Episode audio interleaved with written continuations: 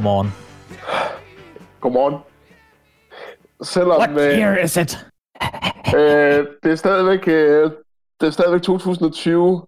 Øh, det, er den, det er den 20. april lige nu, men øh, når du hører det her, så er det den 21. Og altså nu, nu vil jeg også Altså sige... den 21. december. Ja, fordi vi er ekstremt langsomme til at få det her ud, så det er faktisk den 21. december 2020, når du hører Jeg det ved, her. ikke, jeg ved ikke, hvordan, med, hvordan du har det sådan, men jeg har det sådan lidt, at øh, januar, Ja. den varede 30 dage. Ja. Februar varede 30, nej, oh, undskyld, 28 dage. Uh, uh, uh. 28 dage. Ja, Marts, den varede 3 måneder, ja, og april, den har varet 6 år. ja. Jamen sådan har jeg det også. Og Altså, det, ty- jeg, jeg, jeg kan spå nu, at det kommer kun til at gå i den retning. Vi Altså, får mere og mere tid, 2020 bliver det længste år for os mennesker nogensinde. og vi har endda haft skudår. Ja, så det er jo, øh, det, er jo det, det herlige med paradoxer i sig selv med, at hvordan kan, det, hvordan kan det ske? Jamen det kan det, når du lige pludselig står over for en pest af en anden verden. Øhm, hvilket også stadigvæk er grunden til, at vi optager det her hver for sig, viser samfundssind, holder social afstand, alt det der. Øhm, Ja, ja, hele møllen, ja. som jo efterhånden er ved at øh, være, skal vi sige, fast pensum i enhver landsmoderlig øh, vokabularium. Fordi, altså... altså Det burde være. det, Burde det, være. det burde...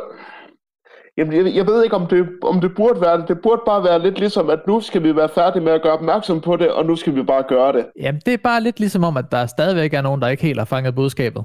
Ja, og der er også mange, der ikke fatter budskabet af, at ja, vi ved godt, at du også gør det, jeg gør det også. Der er mange af os, der egentlig bare gør det, men der er åbenbart også nogle af os, der synes, at de skal gøre opmærksom på, at de gør det, fordi de ikke tror, at andre gør det. Jeg er ved at være træt. Men hvad skal vi gøre? Ja. Jamen, og især her, og især her efter, øh, efter i dag, hvor øh, Kåre Mølbak, øh, vores øh, sundheds, hvad skal vi kalde ham, Sundhedsstyrelsens øh, sugesager, sandsigeren, han siger, at øh, vi skal nok vende os til at holde social afstand i et år. Det siger han. Ja, men er det Og- ikke også, er og, det ikke øh, også realistisk? Nej, det, det er jo det, jeg vil sige, at det ikke er. Altså, fordi at, fordi at man skal stadigvæk huske, at den her virus stadigvæk, i forhold til mange andre viruser, stadigvæk er meget ny. Så der er ikke rigtig nogen, der ved noget. Nu siger han et år, for ligesom at, du ved, at afbøde slaget. Så han kommer ud og siger noget absurd som det første, og det tror jeg, at det er det, der er ved at ske. Jeg tror stadigvæk, at social distancing kommer til at vare i et stykke tid, men jeg tror ikke, det kommer til at vare i et år. Men, men man skal også huske på, at du udrydder der bare ikke en hel epidemi på, Bestemt. øh, på seks, seks måneder. Bestemt, Det du ikke jeg gør det. helt. Bestemt, du ikke gør det. Det tror jeg, det, det tror jeg heller ikke, men jeg tror, men jeg tror, at du ved, at du ved, små steder, sådan begynder sådan, måske efter, en, øh, efter yderligere to-tre måneder. Jeg tror, at når det endelig, øh, hvad var det, forsamlingsforbuddet, hvornår er det, det slutter? Det var til september. Så tror jeg, at øh, små steder kommer til at åbne op igen. Og, øh, og altså, jeg ved, nu- det er allerede sket lige så stille med, med Ja. frisørsalonger og Nå. ja, den Nå, slags.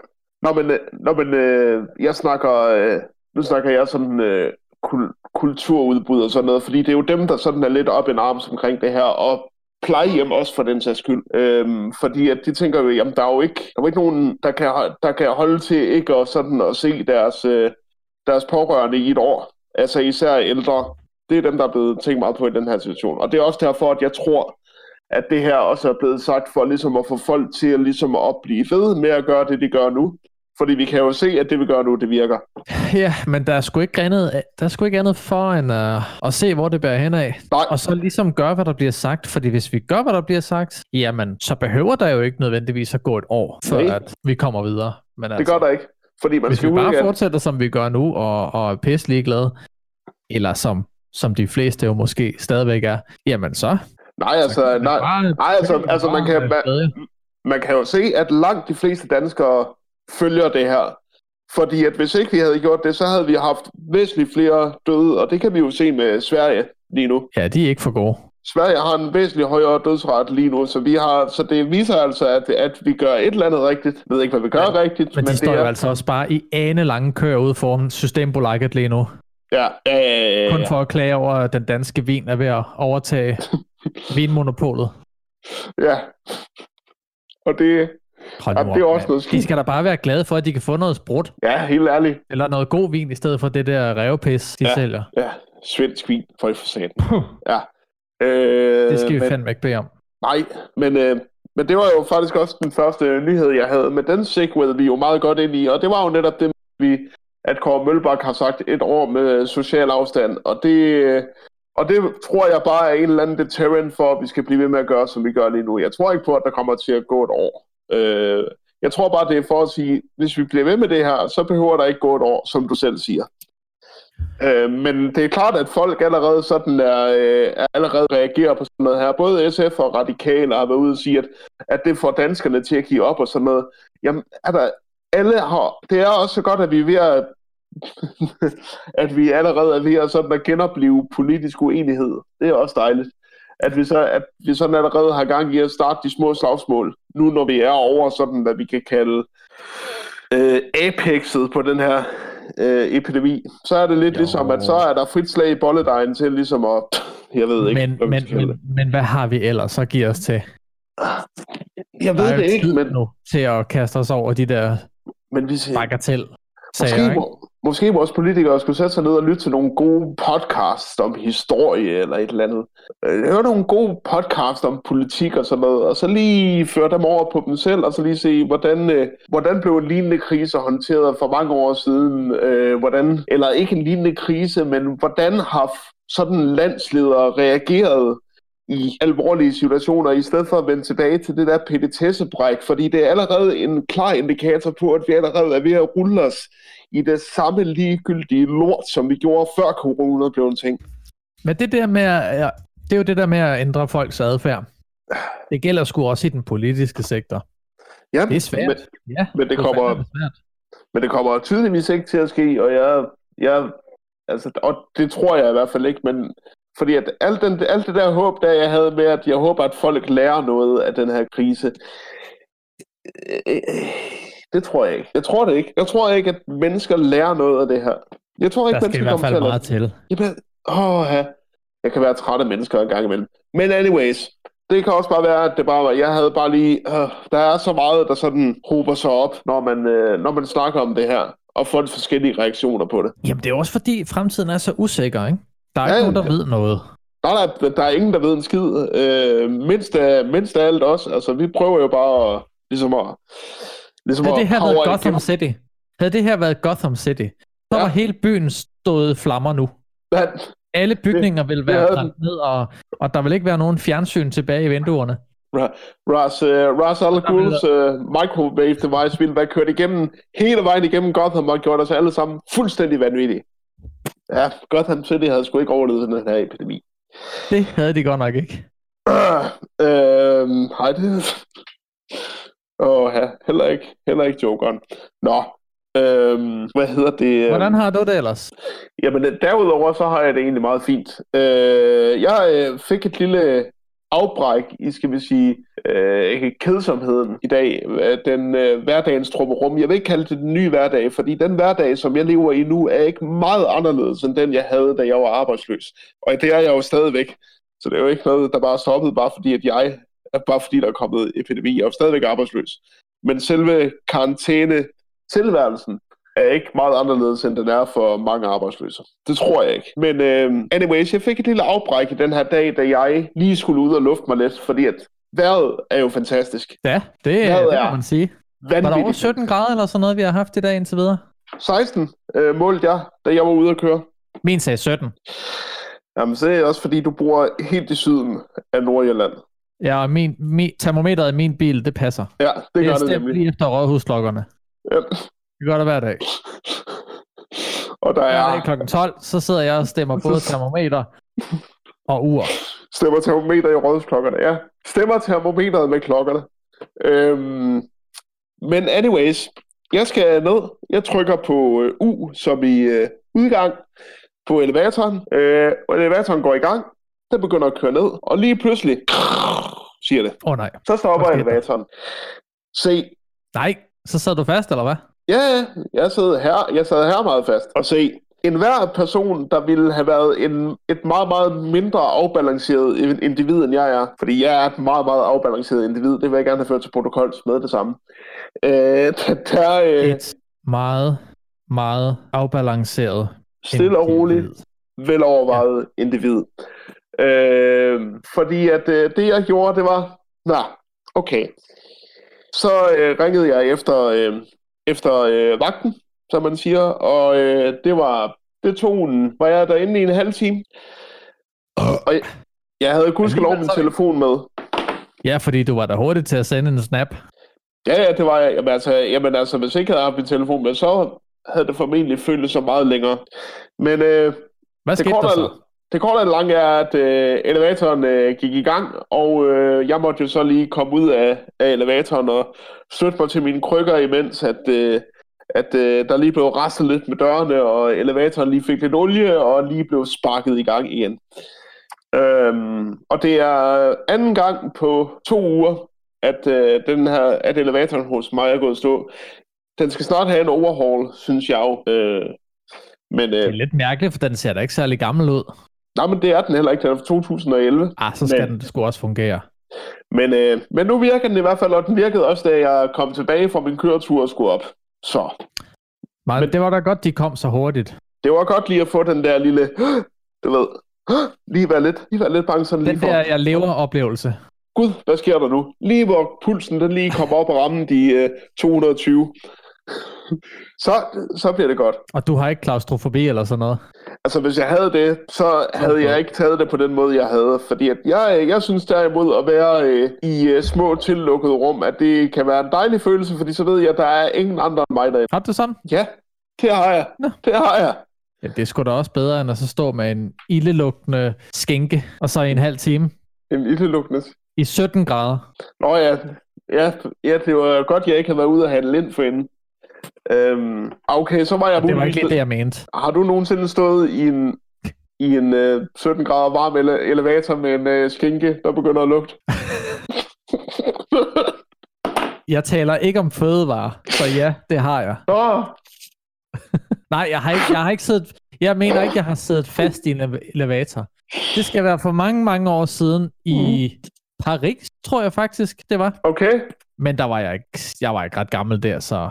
Det. Men, men det var en meget gammel elevator på et meget gammelt hotel. Ah, okay. Det er så forståeligt nok. Du ved, det var sådan en, hvor, øh, hvor dørene, det er bare sådan nogle gitre, man, man selv skal ja, ja. trække frem og tilbage. og hvis du... ikke du får, får hænderne væk i tide, jamen så, så, så bliver de kappet af. Så er øh, det, der hedder fingre, så er det færdigt. Ja, de var nådesløse dengang. Okay. Det var, altså, slut 90'erne, hvis, jeg, hvis ikke jeg husker helt forkert. Ja, øh, hvor, vi jo, hvor vi jo på ingen måde havde øh, moderne elevatorer i 90'erne. Det var først noget, der kom frem. Det var noget, der kom frem i to, år 2000, sammen med de flyvende biler. Det var i hvert fald ikke øh, kommet til Paris dengang. Det, det er helt sikkert. Nej, lige præcis. Øhm, jeg kan lige øh, en, øh, en anden person, som øh, muligvis også fik øh, pulsen lidt op, Daniel. Det er en, øh, det er en øh, bilist øh, fra København, som, øh, som, som, har, som havde fået en p-bøde, da han har været ude at handle ind øh, i menu. Oh. Ja. Øh, jeg, kan lige, øh, jeg kan lige, øh, jeg kan lige øh, øh, citere første. En fyldt indkøbskurv var ikke det eneste, som Camilla Siv Hansen fik med hjem fra tirsdagens indkøb i menu på Værmlandsgade i København.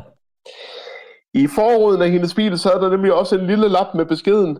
En parkeringsobservatør har observeret, at dit motorkøretøj har overtrådt reglerne. Og nu mangler der altså en parkeringsbøde, fordi hun ikke lige huskede at stille skiven øh, inden for de 20 minutter, hun har været derinde. Se, det er jo nederen. Det kan ja, vi godt det er sjovt at få en p-bøde. Det er aldrig sjovt at få en p-bøde. Men så har Camilla altså selv, øh, selv øh, henvendt sig til øh, TV2 Løje og sagt, at det er tageligt og umoralsk. Jeg kan ikke forstå, hvad meningen er med, at parkeringsvagterne skal på gaden lige nu. Jeg ved godt, at det er privat firma, der skal tjene penge, men der er rigtig mange andre private virksomheder, der holder medarbejderne hjemme i den tid og går ned i omsætning. ja. Så hun mener altså simpelthen, at, at alle parkeringsvagter, de skal blive hjemme? Det mener hun. Og så skal det deres virksomhed gå konkurs? Hun, hun det er jo det, hun siger. Og, og, og, Hvis alle og, andre virksomheder skal gå, gå konkurs, så skal de der også. Så skal de også, ja. Og, nu, og så siger hun også lige, det er jo ikke fordi, de producerer noget, der er akut behov for, som håndsprit. Der er Så- lige opstået et akut behov for p-bøder. Selvfølgelig skal jeg huske at sætte parkeringsskiven, men vi lever i et samfund, der er blevet enige om at hjælpe hinanden og passe på hinanden. Så kan jeg simpelthen ikke forstå det. Det gør man ikke ved at udstede p-bøder. Prøv at høre. Hun skal lade være med at græde så meget, og så skal hun betale den bøde, som det menneske hun er, og bare sige, det var mig, der var en idiot. Bum, videre. Hun skulle faktisk have en bøde mere, kun for at være en idiot. Det burde hun faktisk have. Hun burde faktisk få en bøde mere. Øh, Hun burde det, få en bøde, og så burde hun få en bøde mere for at spille alle vores tid. Alle vores andres, øh, alle vores andres tid for at Ja. skulle høre på det der lort. altså, det, det, øh, altså, altså, det, det er jo simpelthen, altså det er sådan, jamen bare fordi, at sådan, at mange ting er ophævet, så betyder det ikke, at der er anarki. Altså så behøver, betyder det ikke, at du sådan bare kan gå rundt og parkere på øh, kantsten, eller hvad med at stille p-skiver. Altså der er folk, der stadigvæk går rundt og holder øje med ting som det her, fordi vi stadigvæk er i et civiliseret samfund. Hvis ikke vi var, så kunne du heller ikke få de varer, du skulle have i menu, Camilla Siv Tænk lige på det. Hansen. Øh, Nå, Men så kunne hun da brokse over det, Ja. hvis Menu havde lukket og sendt alle deres medarbejdere hjem og var gået konkurs. Ikke? og så, Hvordan skal jeg så med toiletpapir?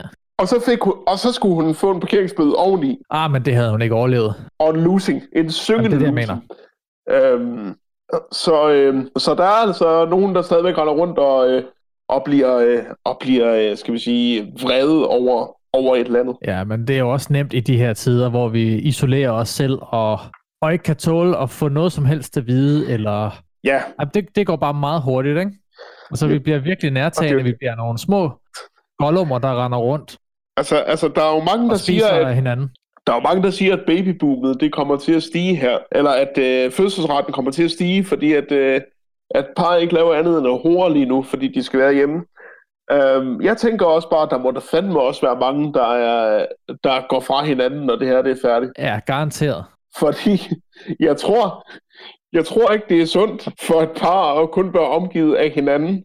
Altså, alene, der kan du så selv ligesom sige, der skal jeg kun slås med mig, og jeg synes egentlig, jeg er fed nok. Så det er egentlig ikke et stort problem. Det er bare ikke så nemt, når man er tvunget til at gå op og ned af hinanden hver dag. Nej, nej, altså så, den her. så bliver det sådan noget med til sidst. Gider du godt lade være med at kramme chipsposen så hårdt? Det larmer af helvede til. Så går det fra 0 til 100 på sådan her. Ja, lige præcis. Lige præcis. Øh, og det jeg ikke kunne se der, det var, at Daniel han øh, knipsede. Eller også så var det en knipseeffekt, du havde sat ind. Nej, nej, det var, øh, det var helt autentisk. Det var autentisk. Uh, Ja, ja. det, vi kan også være autentiske stadigvæk. Øhm, Sådan er det med, med podcast ja, og med lyd. Der, der må man skære billederne ud. der må, i vi, øh, der må vi sætte scenen. Øhm, øh, apropos det der med at sætte scene. Øhm, jeg tænker jo også, når vi laver det her, øh, Daniel, og der er folk, der lytter til os og sådan noget, så tænker jeg også, så kunne det egentlig også være meget rart at fortælle sådan, hvad, hvad man er omgivet af lige nu. Altså, jeg sidder jo for eksempel i min stue, og hvis jeg bare lige kigger øh, over, så er vi i et, øh, i et sort øh, firkantet rum, øh, hvor der er, øh, jeg kan se en, øh, en globusbar, øh, masser af tøj, der er til, en øh, masser af tøj, der er til tørre, øh, og, så sidder, og så står min manuelle kørestol lige ved siden af sofaen, hvor jeg sidder, og så har jeg computeren på et dejligt, dejligt, solidt stuebord fra IKEA. Sort, selvfølgelig. Hvorfor har jeg aldrig set din Globus-bar? Fordi at du ikke fordi at du ikke åbenbart gider at åbne øjnene op, fordi at du, jeg har haft den i mange år nu. Hvor fanden står den hen? Jamen, det er fordi, den er så godt kamufleret. Det er fordi, at den står ovenpå en, øh, en, øh, et øh, møbel, som er øh, nogenlunde samme farve som, barn, farve som barn. Så det kan godt være, at det bare er glidet ind i hinanden i din synsoptik. Det kan godt være. Men Men, øh, har der der- ikke været øh, en sprutflaske, jeg lige kunne se, som kunne Ej, fange min opmærksomhed. de, de, står, de står alle andre steder end i Globusbaren. Ja, selvfølgelig gør de det. I, i, især, is, især i den her coronatid, der skal jeg hele tiden lige have noget i potteplanten, eller under sofahønnen, eller et eller andet, så man lige altid lige kan kaste en tilbage, og så lige... Uh, så, så er jeg klar igen i et par timer. Nå, men Øh, her på det lille, ja hvad er det, 10 kvadratmeter kontorrum, eller hvad man skal kalde det, Ja. hvor jeg jo har pillet døren af, så man kan se ud til køkkenet. Ja. Der sidder øh, både Camilla og jeg med hver vores computer i næsten ja. hver vores ende af rummet. Jeg sidder op af, den, af væggen længst væk. Lammer hun med Og, en øh, tidspose? Nej, Nå, okay. nej hun, sidder, hun sidder og sutter i en, øh, en sodavand fra Sunset. Okay, okay. Så jeg- det er kun noget, der lige kan få øh, det, det ene øje til at tikke lidt, men, men det er også det. Hvad er det heller ikke? Nej, okay. Fint Det går over. Fint. Du ved, det er ligesom, når man har et bygkorn, eller sådan en nerve, der lige sidder og twitcher lidt. Ja, sådan, det, Du ved, det, det går får, over. Du kan ikke gøre noget ved det. Og det får man altså bare en gang imellem. Ja, sådan er det. Nå, men, øh, Men uh, anyways, jeg sidder så op ad den ene væg, hvor jeg har plantet, uh, eller sat mit skrivebord helt opad, så jeg har et stort gulvareal, hvor jeg kan, øh, hvor jeg kan befærde mig, når jeg for eksempel spiller øh, VR. Åh. Jeg har jo jeg har fået en øh, Oculus Rift S. Åh oh, ja, okay. Jeg solgte min, øh, jeg solgte mit øh, HTC Vive headset for nogle, nogle måneder tilbage.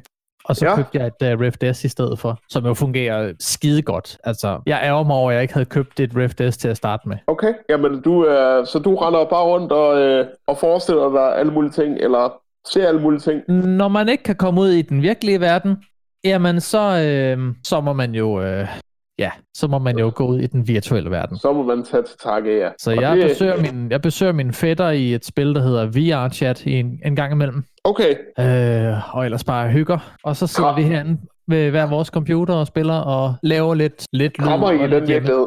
og- Hvad siger du? krammer I i, øh, i, i den virkelighed? Øhm, kun for sjov. Nå, okay. Så selv ikke. Ikke noget selv, selv, selv, selv ikke virtuelt.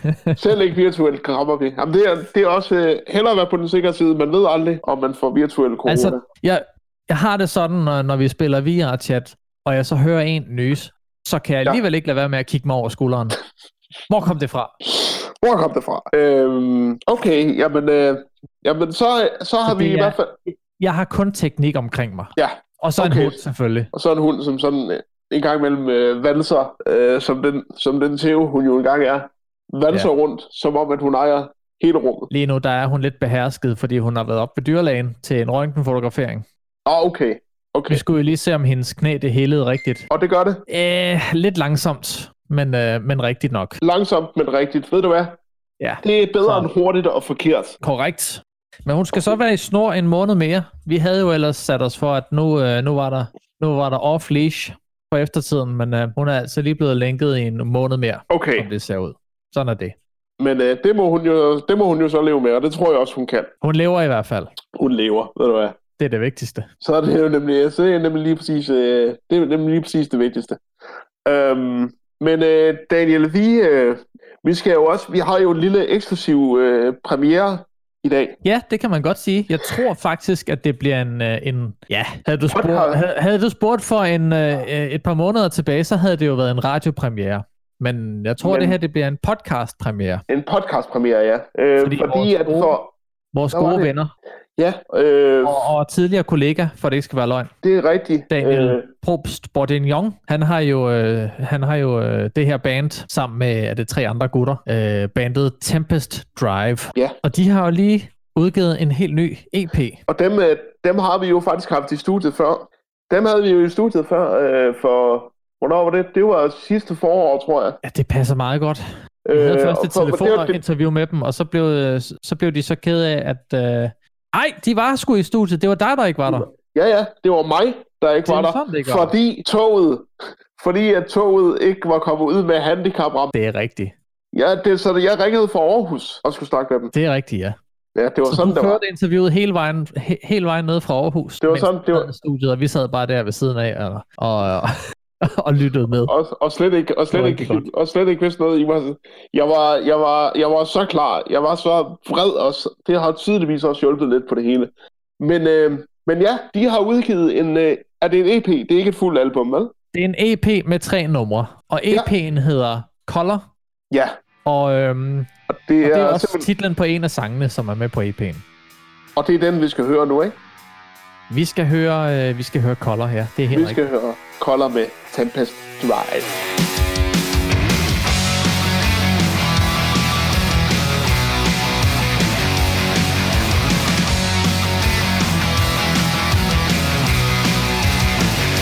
A picture from exhibit of someone's skin.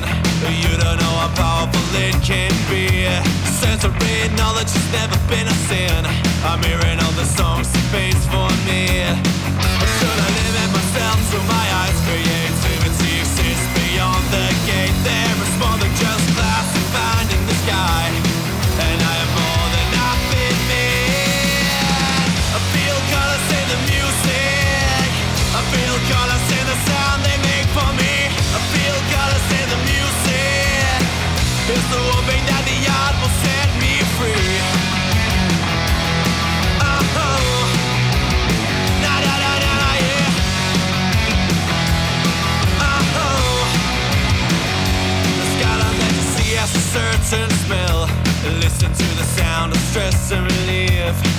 taste of wood between heaven and hell.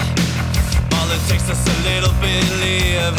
Or should I limit myself to my eyes? Creativity exists beyond the gate. There is more than just clouds to find in the sky. There is more than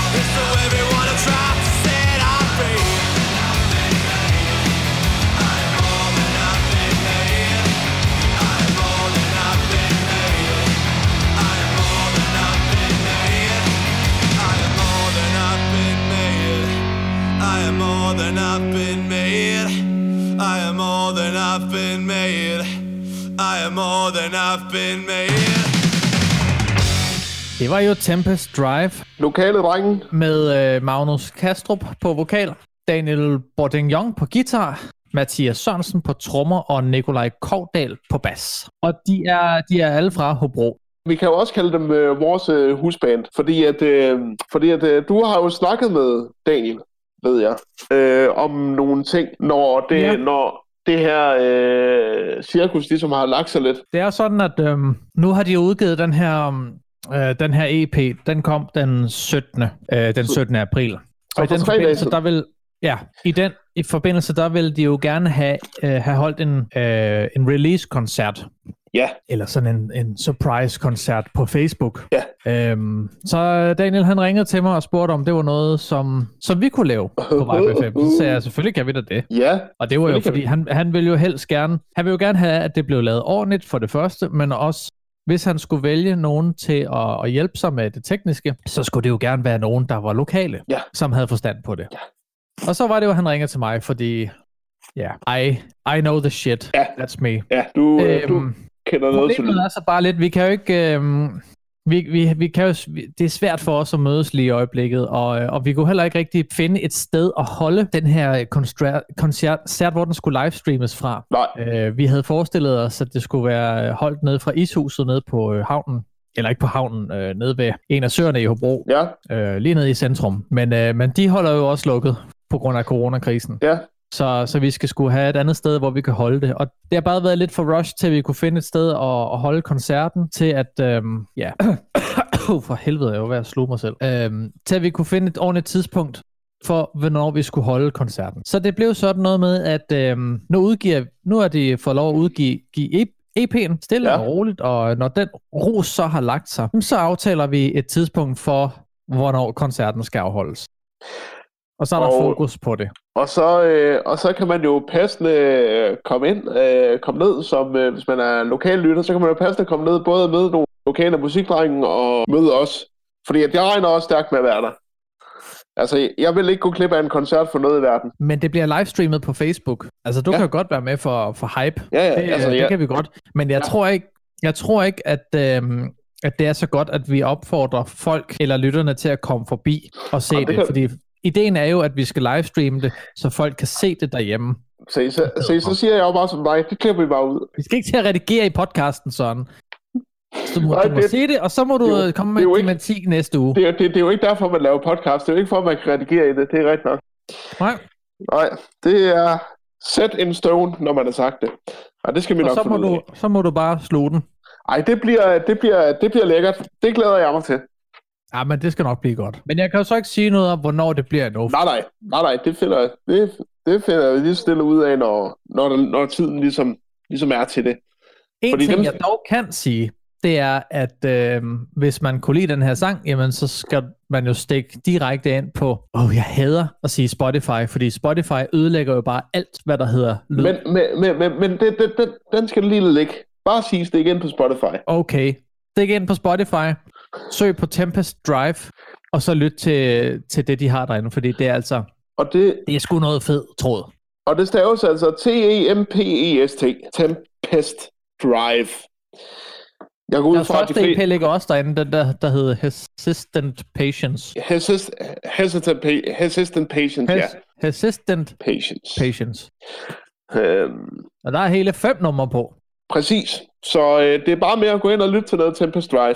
Jeg tror også, de vil blive, blive glade, hvis du følger dem derinde eller deler. Ja, Vi ligesom... skal nok Øh, et link til dem. ja, præcis. Og Øh, skud ud til jer, drenge. I laver sgu noget godt musik. I, I laver fantastisk rockmusik, drenge. Det, øh, man bliver i så hammerende godt humør af at lytte til jer.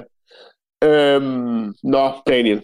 Nu øh, bevæger vi os væk fra Hobro, og vi skal en tur ud i verden. Vi skal en tur ud i verden, Daniel. Hvor skal vi hen? Vi skal til USA.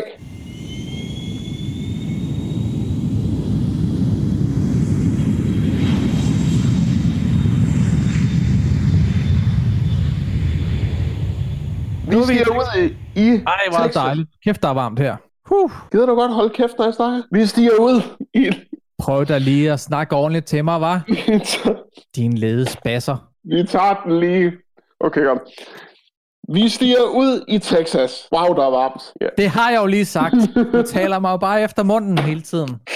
Nærmere bestemt Lubbock, Texas. Og i Lubbock, Texas, der finder vi en religiøs, kristen selvfølgelig, bevægelse, som hedder The Word of Faith. Og i spidsen for The Word of Faith står Kenneth Copeland. Kenneth Max Copeland. Han er tv-præst, han er øh, foredragsholder, og han er selvfølgelig også præst, og så er han forfatter, øh, primært inden for, krist, øh, inden for bøger om kristendom. Øh, han er 300 millioner værd, og er en af de mest kendte tv-evangelister i øh, USA. 300 millioner, Daniel, for at være tv-præst. Det er mand af penge. Only in America. Øh, og øh, Kenneth Max Copeland har jo selvfølgelig også hørt om coronakrisen. Det er klart.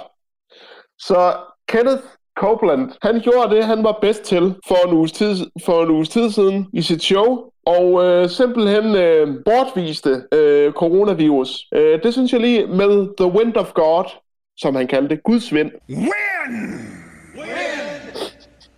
Almighty! Almighty! Strong! Strong! South wind! South wind! Heat! Heat! Burn this thing!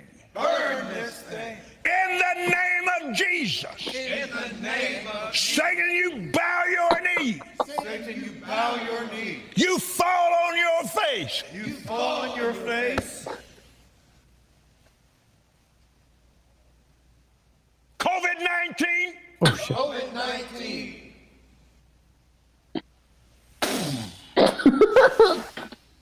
I blow the wind of God The wind of God on you. on you. You are destroyed forever, You are destroyed forever. and you'll never be back. Se, der kunne I altså lige høre, hvordan Max Copeland, Han puster simpelthen virusen væk. han siger, siger han. han, han puster virusen væk med The Wind of God. Og i øvrigt bliver jeg nødt til at sige, Ej, bliver også nødt til at sige, altså de mindst, de mindst entusiastiske hype-mænd, jeg nogensinde har hørt. Ja, de, vir- de lever sig virkelig ind i det, det kan man godt høre. Det er bare, the wind of God.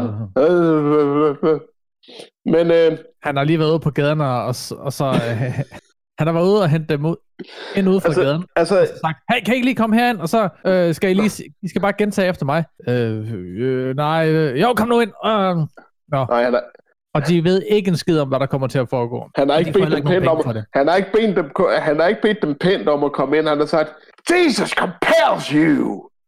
Og så Come in here! Men, øh, men så er det jo godt, når sådan noget her sker, at vi har det, der hedder internettet. Fordi der sidder jo selvfølgelig nogen, der har set det her, og de har tænkt, vi vil ønske, det var os, men det er det ikke. Men øh, de har tænkt, skal vi ikke lave et remix af det her?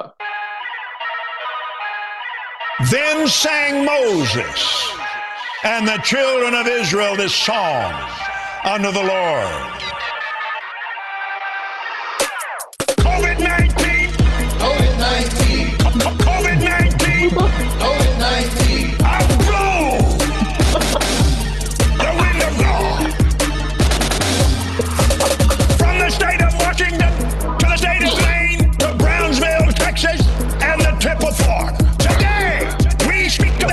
To today, burn this thing.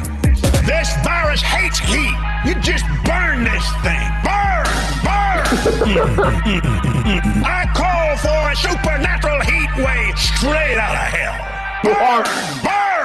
COVID 19, COVID 19. COVID 19. COVID 19. I blow the wind of God.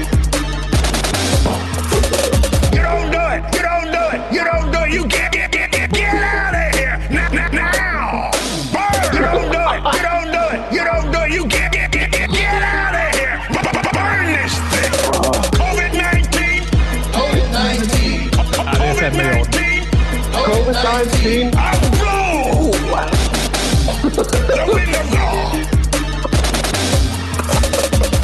You are destroyed forever, and you'll never be back. what the fuck, Oh. Praise Jesus. Praise be unto him.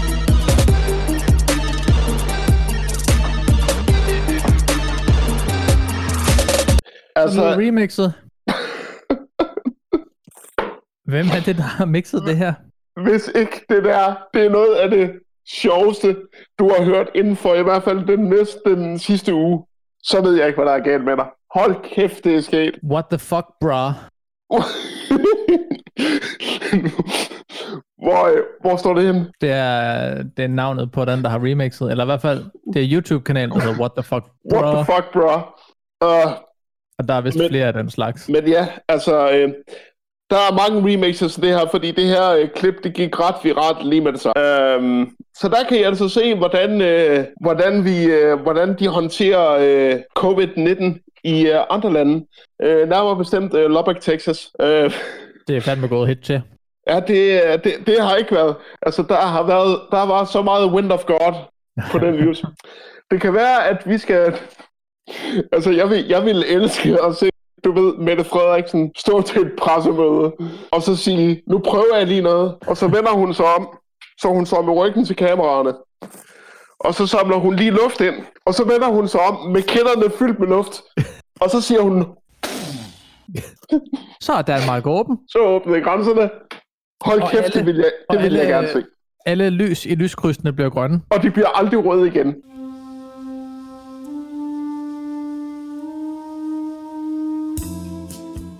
Helene var tilfreds med maden, der blev bestilt på Just Eat. Men hun var ikke helt tilfreds med den tissepøl, budet efterdog i hendes opgang. Og Just Eat er i chok og har fyret den tissende medarbejder. Hej. Min kæreste og jeg valgte i dag søndag den 12. i 4. at bestille aftensmad på Just Eat. Maden var som altid lækker. Dog blev oplevelsen godt og grundigt ødelagt af Just Eat-chaufføren, sådan indleder et øh, sådan leder, indleder Helene et brev til Ekstrabladet om det ret så klamme situation, hun og kæresten havnede i søndag aften. For kort efter maden var blevet leveret, ved døren bankede det igen på, og en beboer fra opgangen spurgte, om Helene og kæresten lige havde fået mad leveret fra Just Eat. Ja, det, det havde de jo. Og så, øh, så blev de jo så lige opmærksom på, at der lå en stor pispøl ude i opgangen. Hvor meget vil du ved på, at det er naboen, der har gjort det? 100. Bare sådan for ligesom at sige, hey, Det er 100. nu kunne han endelig gøre det. Nej, Den eneste poll, der er på ekstrabladet til den her, det er, om du nogensinde har tisset en opgang. 17 procent svarer ja. Og 5 procent svarer, at det kan de ikke huske. Så ja, det har de. Åh, Okay. ja, ja, mm, ja. Johnny T. skriver, hvor fanden skal de ellers tisse? Der er stort set ingen offentlige toiletter. Og går de udenfor og pisser op af en bil, så kan der vanke øretæver eller bøder. Blot og godt svarer Johnny T. Hvad tror du kvinder gør? De sætter sig sgu da ikke ned tilfældige steder og pisser. Når de kan finde ud af det, så kan mænd også. Just Eat bud, så er det 99,9% sikkerhed en musi af HH. Leif J. skriver, åh oh ja, budet og edelsen. Budet og edelsen passer jo godt sammen, så was. Hvor ved han fra, at de fik øh, mad fra et mus- fra et, øh, er det bare fordi, at han går ud fra, at de får pizza, alle pizzerier ejes i Så må jeg lige spørge dig, hvor mange 100% danskere har et pizzeria? Har du nævnt noget i historien om, at det var pizza, de bestilte? Nej, det står der ikke. Godt. Så er det ham, der er en idiot. Nå, videre. Okay. Kalle F. skriver, uanset alle de dumsmarte bemærkninger, så er budet et stort svin. Og han Ja. går nok op og piller i pizzaerne med sine pissefingre. Naboen er dumt svin. Det skal vi lige... Det er naboen. Nick K. sk- skriver, har hørt om perkere, der har smittet andre med herpes, efter at have spærmet ned i pizzaerne. De kørte ud. Føj for hede hule.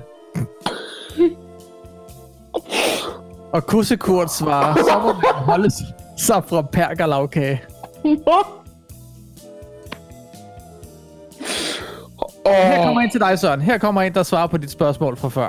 K. Okay. Fidus skriver, hvorfor har man en mistanke til, at det er en udlænding? Hvor Kussekurt svarer lige fordi der er et match på 97% af gangene. The Stig skriver, ingen danskere vil gøre dette. René Bundgas er er klar med en ny hjemmeside til den her service, der hedder justtis.dk. Okay. skriver, de tissebude må da have en natpotte i deres vogn. Ja. Og så tror jeg bare, at vi stopper her. Oh, hvor var det godt, mand. Det gjorde, det gjorde det lidt op for den lidt... Ah, den, den, den, den, var ikke så god sidste uge. Det gør i den grad... øh, Den her historie, den gør i den grad det. Det var et fedt comeback, må Hold sige. Kæft, det var et dejligt kommentarfelt, det der. Og lad du mærke til en ting. Hvad er det for en ting? Det var på ingen måde corona-præget. Det var bare rart. Selv ikke, Dejligt. selv ikke, da de skulle nævne en sygdom, så blev det kun herpes. Så de kan endnu. Ja, ja, de kan endnu. De, Kan de er endnu. de stadigvæk har ikke vågne glemt, hvor på... de kommer fra. De er stadigvæk vågne og fremmedfjendske på nationen. Det er dejligt, dejligt at høre.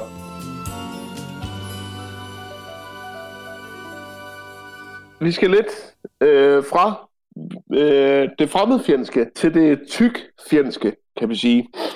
Fordi øh, jeg læser lidt information en gang imellem. Øh, og øh, jeg fik faktisk øh, tilsendt en, øh, et læserbrev øh, fra en øh, kammerat, der havde læst det her læserbrev, og han synes at jeg læse det. Det er fra den 6. april 2020. Eller vent lige et øjeblik. Nej, det er ikke fra den 6. Det er fra den 18. april 2020. Så det vil sige for to dage siden. Øhm, der skriver Dite, Dina Amlund, skriver, øh, og øh, overskriften på læsebrevet er, Hadet mod os tykke er massivt, og coronakrisen gør det kun værre. Øh, nu vil jeg ikke læse meget op for det her læsebrev, fordi at øh, hun, hun læser, hun priser selv en masse øh, ting op om, hvordan tykofobi, altså, altså det med at være øh, fordomsfuld overfor, øh, hænger sammen med øh, klassisk racisme, øh, og bruger rigtig lang tid på at øh, citere fra, øh, fra værker, der er skrevet af, skal vi sige, øh, lettere politisk ukorrekte forfattere i 1920'ernes USA, for ligesom at, for ligesom at øh, banke Okay. den, den historiske kontekst sammen. Ikke? Men jeg vil sige så meget, at, øh, at, hun, øh, at, hun sig, at hun skriver her til at starte med, at, øh, skal du lige prøve at se her, øh, og hun, øh, hun bruger det Øh, hun har bragt det her læsebrev, fordi at øh, hun mener, at øh, medier som øh, Radio, som øh, ikke, nej, ikke Radio Loud, øh, som øh, et andet læsebrev, i for- der var blevet bragt den 6. april, øh, var med til øh, at skrive, øh, var med til, at øh, hun ligesom skrev det her læsebrev. Og jeg synes bare lige et øjeblik, at vi lige skal, øh, at jeg lige vil det læsebrev frem, fordi øh, Dina, hun påstår, at det her læsebrev, som hun læste, at der skriver øh, forfatteren af det læsbrev, at, der, at øh, det at være tyk, det, øh, det, var det, det var det samme som, at man øh, lige så godt bare kunne dø af, af coronavirus. Hun skriver, skærer man Maria Reyes budskab ind til benet, er det, at tykke mennesker er skyld i coronakrisen på grund af vores forkerte og svage kroppe, og vores kroppe burde fikses, hvis man vil undgå fremtidige pandemier. Det der er et udtryk for tykofobi. Tykfobi. Det er det, hun skriver. Husk det citat. Og det læserbrev, det har jeg jo selvfølgelig fundet. Og nu skal du høre, hvad hun direkte skriver. Maria Ræs, som øh, skrev det her i Information den 6. april 2020, som er øvrigt er kostvej. Hun skriver, der er ingen tvivl om, at den nye virus er smitsom og kan have et voldsomt. Men når mennesker skal være som risiko, er det forrygt at se på alder, i stedet for at fokusere på generel helbredstilstand og underliggende sygdomme. Øh, den største risiko for at få et voldsomt og måske dødeligt forløb ses hos mennesker med hjerte-kredsløbslidelser, overvægt, diabetes samt svækket immunforsvar på grund af dårlig almen tilstand eller kroniske lidelser. Og så øh, slutter hun af med at sige, mange er døde med coronavirus, ikke af virus. Det er derfor langt mere interessant at vide, hvilke sygdomme de afdøde har lidt af, for dermed at kende den reelle risikogruppe. Dermed kan myndighederne gøre en indsats for at forbygge senere epidemier ved at sætte ind præcis der, hvor en virus har let spil. Nu har jeg læst ja. det her op, Daniel. Lyder det som om, at hun på noget tidspunkt siger, at, øh, at, menneske, at øh, tyk mennesker, lyder det som om, at hende her kostvejleder øh, læserbrev, hun øh, siger, som Dina Amlund siger i sit, at tyk menneskers kroppe burde fikses. Synes du, det lyder sådan? Ej, det, det lyder ikke som... Øh, det lyder sgu ikke som hinanden, det synes jeg ikke. Nej, det gør det nemlig ikke.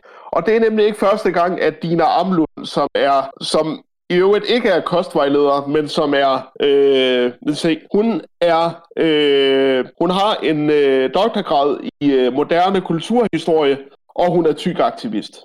Det er det, hun er. Tyk aktivist. Er der Den noget, anden? Maria Reyes, hun er altså kostvejleder. Hun ved godt, hvad hun... Men det er ikke første gang, at Dina har gjort den her slags. Fordi at hun var i P1 i december 2019. Øh, og der ved jeg, at vi har et klip. Der synes jeg lige, vi skal høre øh, det fulde lille udpluk af det interview, blev udsat for på P1. Hvor Dina Amlund, altså tykaktivisten, bliver interviewet til P1-debat. Det var forkert. Anerkender du, at der er et problem, hvis man har for meget fedtvæv? Det, som jeg anerkender her, det er, at jeg siger i rapporten, at der står, at fedtvævet ikke er et problem, men at det er ikke det, som rapporten siger. Der okay. har jeg taget fejl. Men jeg anerkender ikke den anden diskurs. Du anerkender ikke, at der kan være et problem ved at have for meget fedtvæv.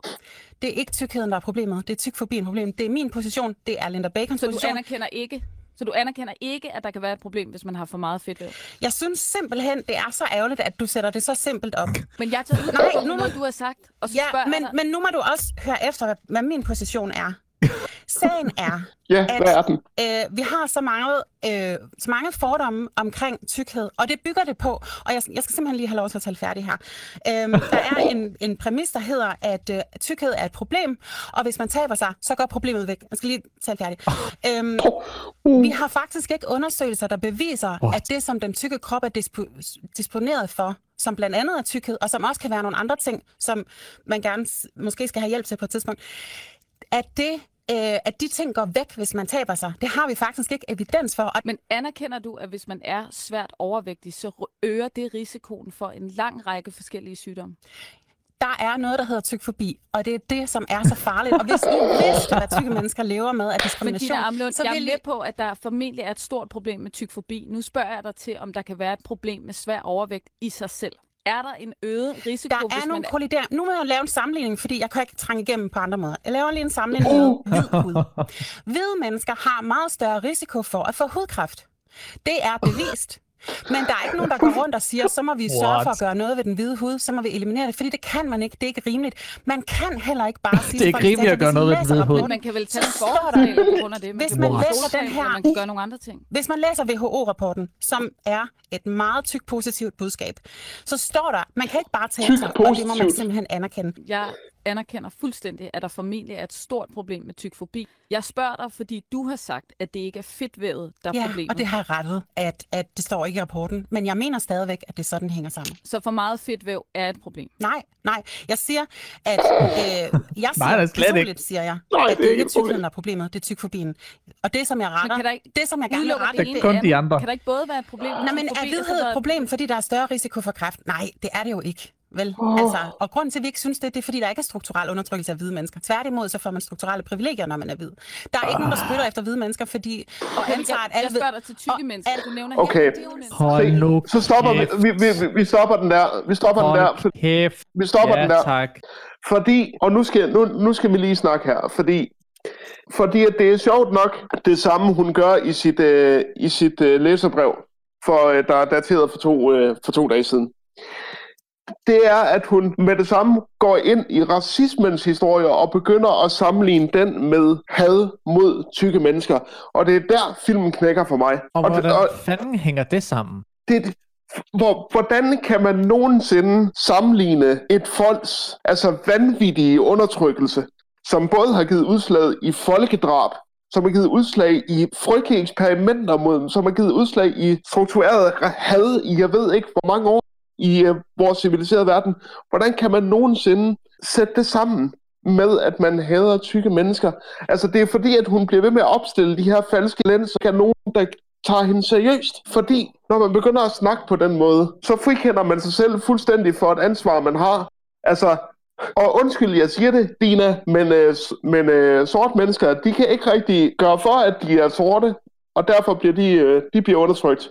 Men du kan kraftedeme gøre noget ved, at du er tyk, hvis det er det, du gerne vil. Og hvis det ikke er det, du vil, ved du hvad, det er også fint nok. Men du skal ikke begynde at opstille den slags ekvivalenser, fordi så bliver jeg sur. Eller jeg, jeg ved, altså jeg bliver sur. Altså, det håber jeg også, der er mange andre, der øhm, Altså, Og jeg har faktisk- fremstiller hende sgu da som værende racist. hammer, nej, ikke kun racist, bare hammerne ignorant. Altså ignorant og fuldstændig lukket af for, hvad alle andre... Læg mærke til, hvor mange gange hun fejrer alle argumenter af banen for journalisten der, ikke? Jo. Øhm, og jeg synes, øh, jeg synes lige, fordi at det her øh, interview, eller den her bid for interviewet, hørte jeg også, da, da det blev øh, sendt i P1. Og der skrev jeg en kommentar, hvor jeg siger, at ingen siger, at vi skal eliminere fed, men kvinden nægter jo konsekvent at svare på spørgsmålene og prøver desperat at lukke diskussionen.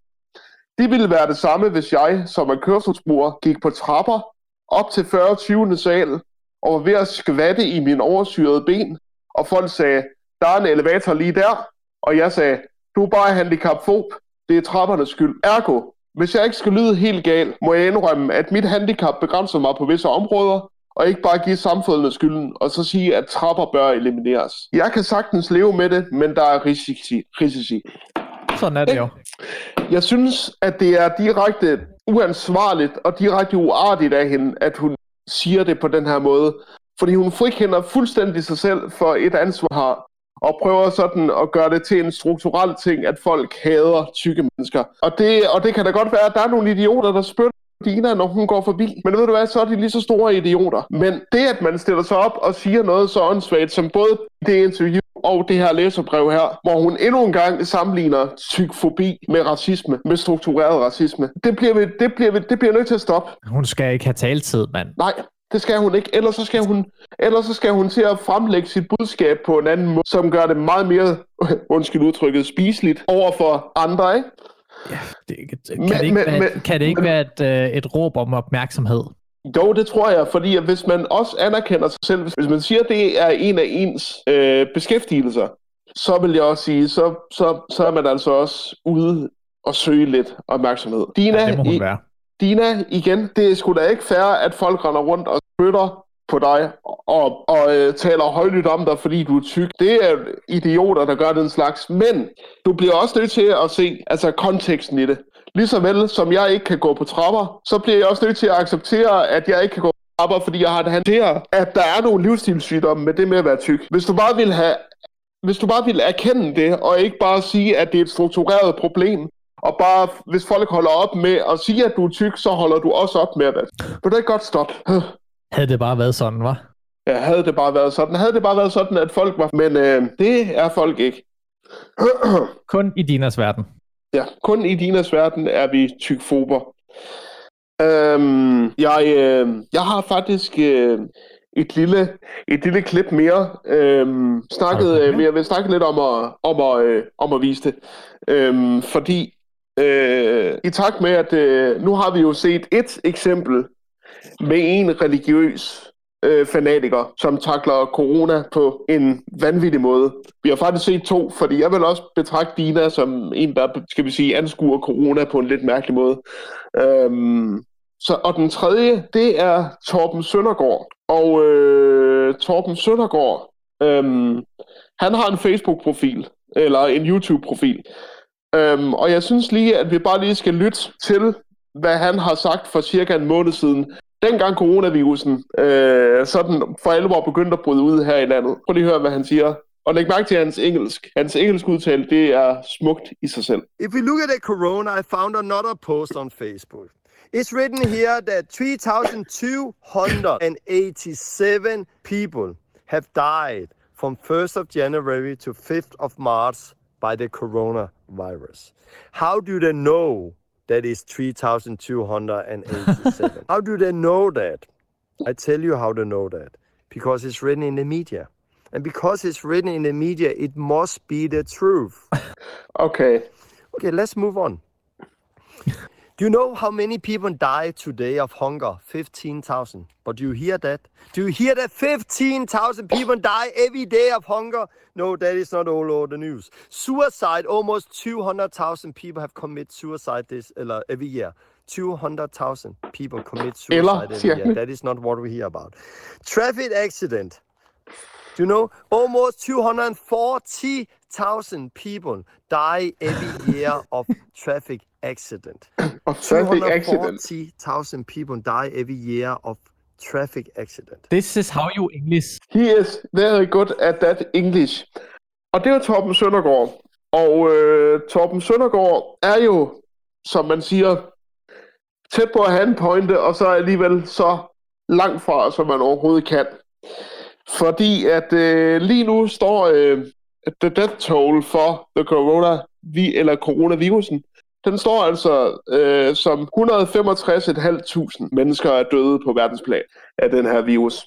Så øh, den er faktisk ved at være deroppe af, øh, Torben. Det er, altså, jeg ved ikke med dig, Dane, men jeg synes, at det, det er en falsk måde at gøre det op på. Det var noget, man kunne dengang troede, at den kommer aldrig til at røre vores, øh, vores, øh, vores hemisfære. Den bliver dernede, hvor de spiser flagermus og den slags. Øh, men det kan man ikke bruge mere. Man kan ikke bruge den der med, at ved du, hvor dør det her hvert år? Ja, jamen, det begynder da også lige så stille at komme deroppe af. Så det, det, det, øh, det, det, det er forkert, Torben. Det er rimelig aktuelt, det her. Ja, Det er Han- ikke bare sådan en, øh, sådan en, en sygdom, man lige skal have blæst op i medierne for en 14-dages periode. Det er det nemlig ikke. Det er det nemlig ikke, øh, det er det nemlig ikke, Torben. Og jeg kan, og øh, så kan jeg fortælle jer, at jer, der ikke har gættet det, Torben Søndergaard er nemlig også religiøs fanatiker.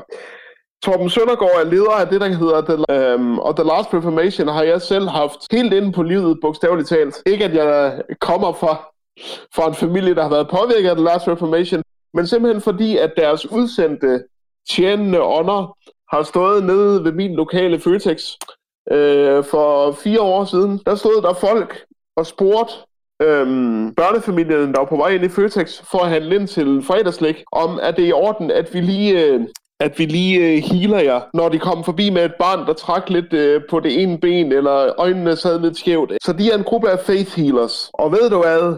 Ved I hvad? De har også spurgt mig en gang. For da jeg kom ud af, af Føtex på et tidspunkt, der blev jeg øh, holdt op af en fyr, der hed Dave. Og Dave, han øh, spurgte, øh, hvad der var i vejen med mig. Jamen, jeg sagde, det er noget, jeg er født med det her. Ah, ah, sorry to hear that, sagde han. Og så sagde jeg, ah, don't be, I'm not, sagde jeg. øh, og så sagde han så lidt, do you mind if we pray for you and try to, to take the sickness out of your legs? Det var hans reelle spørgsmål til mig. Og på det tidspunkt, der tænkte jeg, det er der alligevel ikke nogen, der har prøvet før med mig. Så det tænkte jeg, ved du hvad, vi skal, vi skal alligevel, jeg snakkede jo, øh, vi snakkede jo lige om, at kan have pulsen op at køre, men det tænkte jeg, her er Ja, chancen vi, i dag. vi skal være open-minded. Vi skal nemlig være open-minded. Så det, der skete, det var, øh, og nu øh, maler jeg lige billedet Føtex Etanitten øh, her i Aalborg. Øh, midt på parkeringspladsen, der øh, siger jeg, jamen okay, jamen øh, så, øh, og så skal jeg så rejse mig, rejse mig op. Så jeg øh, støtter mig så til min cross, og så stiller jeg mig op. Og så går Dave straks ned og begynder sådan at, og ikke, ikke, ikke, at, ikke at røre mine ben, men sådan være tæt på at røre dem, mens han bare sådan fører armene op i en bølgebevægelse, mens han siger, Get out of his legs, Steven! Get out of his legs, Steven! Get out of his legs, Steven! Og han begynder at tale i tukker, han begynder at sige, ah, da, da, begynder han at sige. Og jeg sidder lidt og sådan, eller står lidt og prøver sådan at, og virkelig at holde min grin tilbage, fordi jeg synes, det her, det er meget, meget, meget morsomt. Og så sætter jeg mig ned igen, og så siger vi thank you, og vi giver hånd, og så får jeg et kort for The Last Reformation, og så går jeg. Kører. Ja, der kan I Ja, se. du kører. Ja, jeg kører, ja. Jeg går Ja. ikke. Fordi så ville det jo bevise, at jeg, ja, det havde virket, og ville jeg have været en fast tjenende ånd til Torben Søndergaard. Men øh, surprise, sådan skete det ikke. Så vi skal prøve at lade være.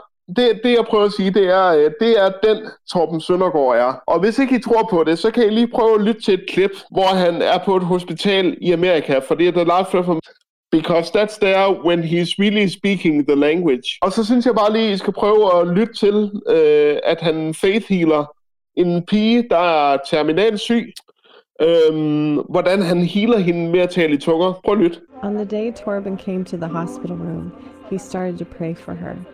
Do you, uh, do you love Jesus? Mm. Do you speak in tongues? Tongues? You know about... You do? No, you don't. Okay. Okay. I'll pray for you. God, I come to you. I believe in you. I ask you right now, set me free. Heal my body. The Holy Spirit took over the room, and she was filled with the Holy Spirit. Var det også sådan, der lød ved Eternitten? Det var det. Sådan lød det. Også på. Skræmmende. Ah, da, da, da, da, da, da, da. Så det er den Torben Søndergaard er.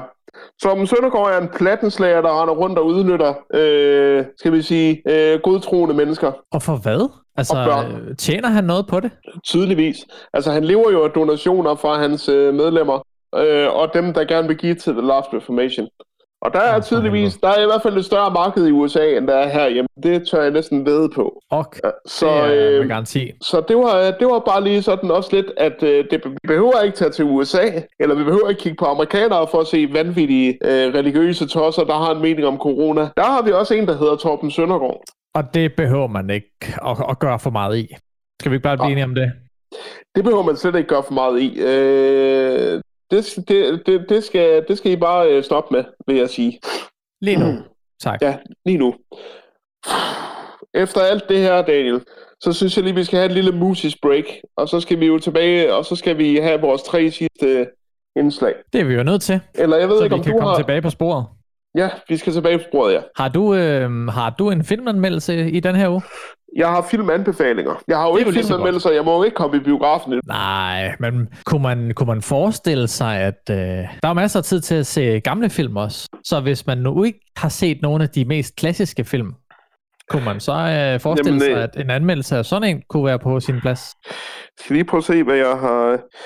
Jeg har, jeg, jeg har faktisk tænkt på, øh, altså det er faktisk også en del, jeg vil endnu en gang give tre øh, anbefalinger på den danske Netflix. Så giver jeg en lille, en lille mini-anmeldelse. Nej, det lyder godt. Så gør vi det sådan. Det lyder godt. Ja, Og så skal vi jo, øh, ja, så skal vi også have afgjort vores ugentlige standoff. ja, og vi skal, og vi skal have noget John siger alt. Det er vi nødt til. Men øh, lad, os lige få et, lad os lige få et øh, musikalsk break med, øh, med noget, et stykke med hiphop. Ja, Og det er, det er du nemlig... får lov at præsentere det. Det er øh, Nas med øh, nummeret Bridging the Gap. The light is there.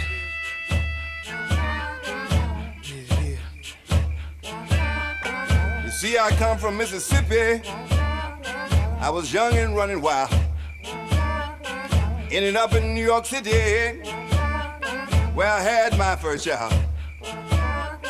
I named the boy Nasir. All the boys call him Nas. I told him as a youngster, he'll be the greatest man alive. Let's go.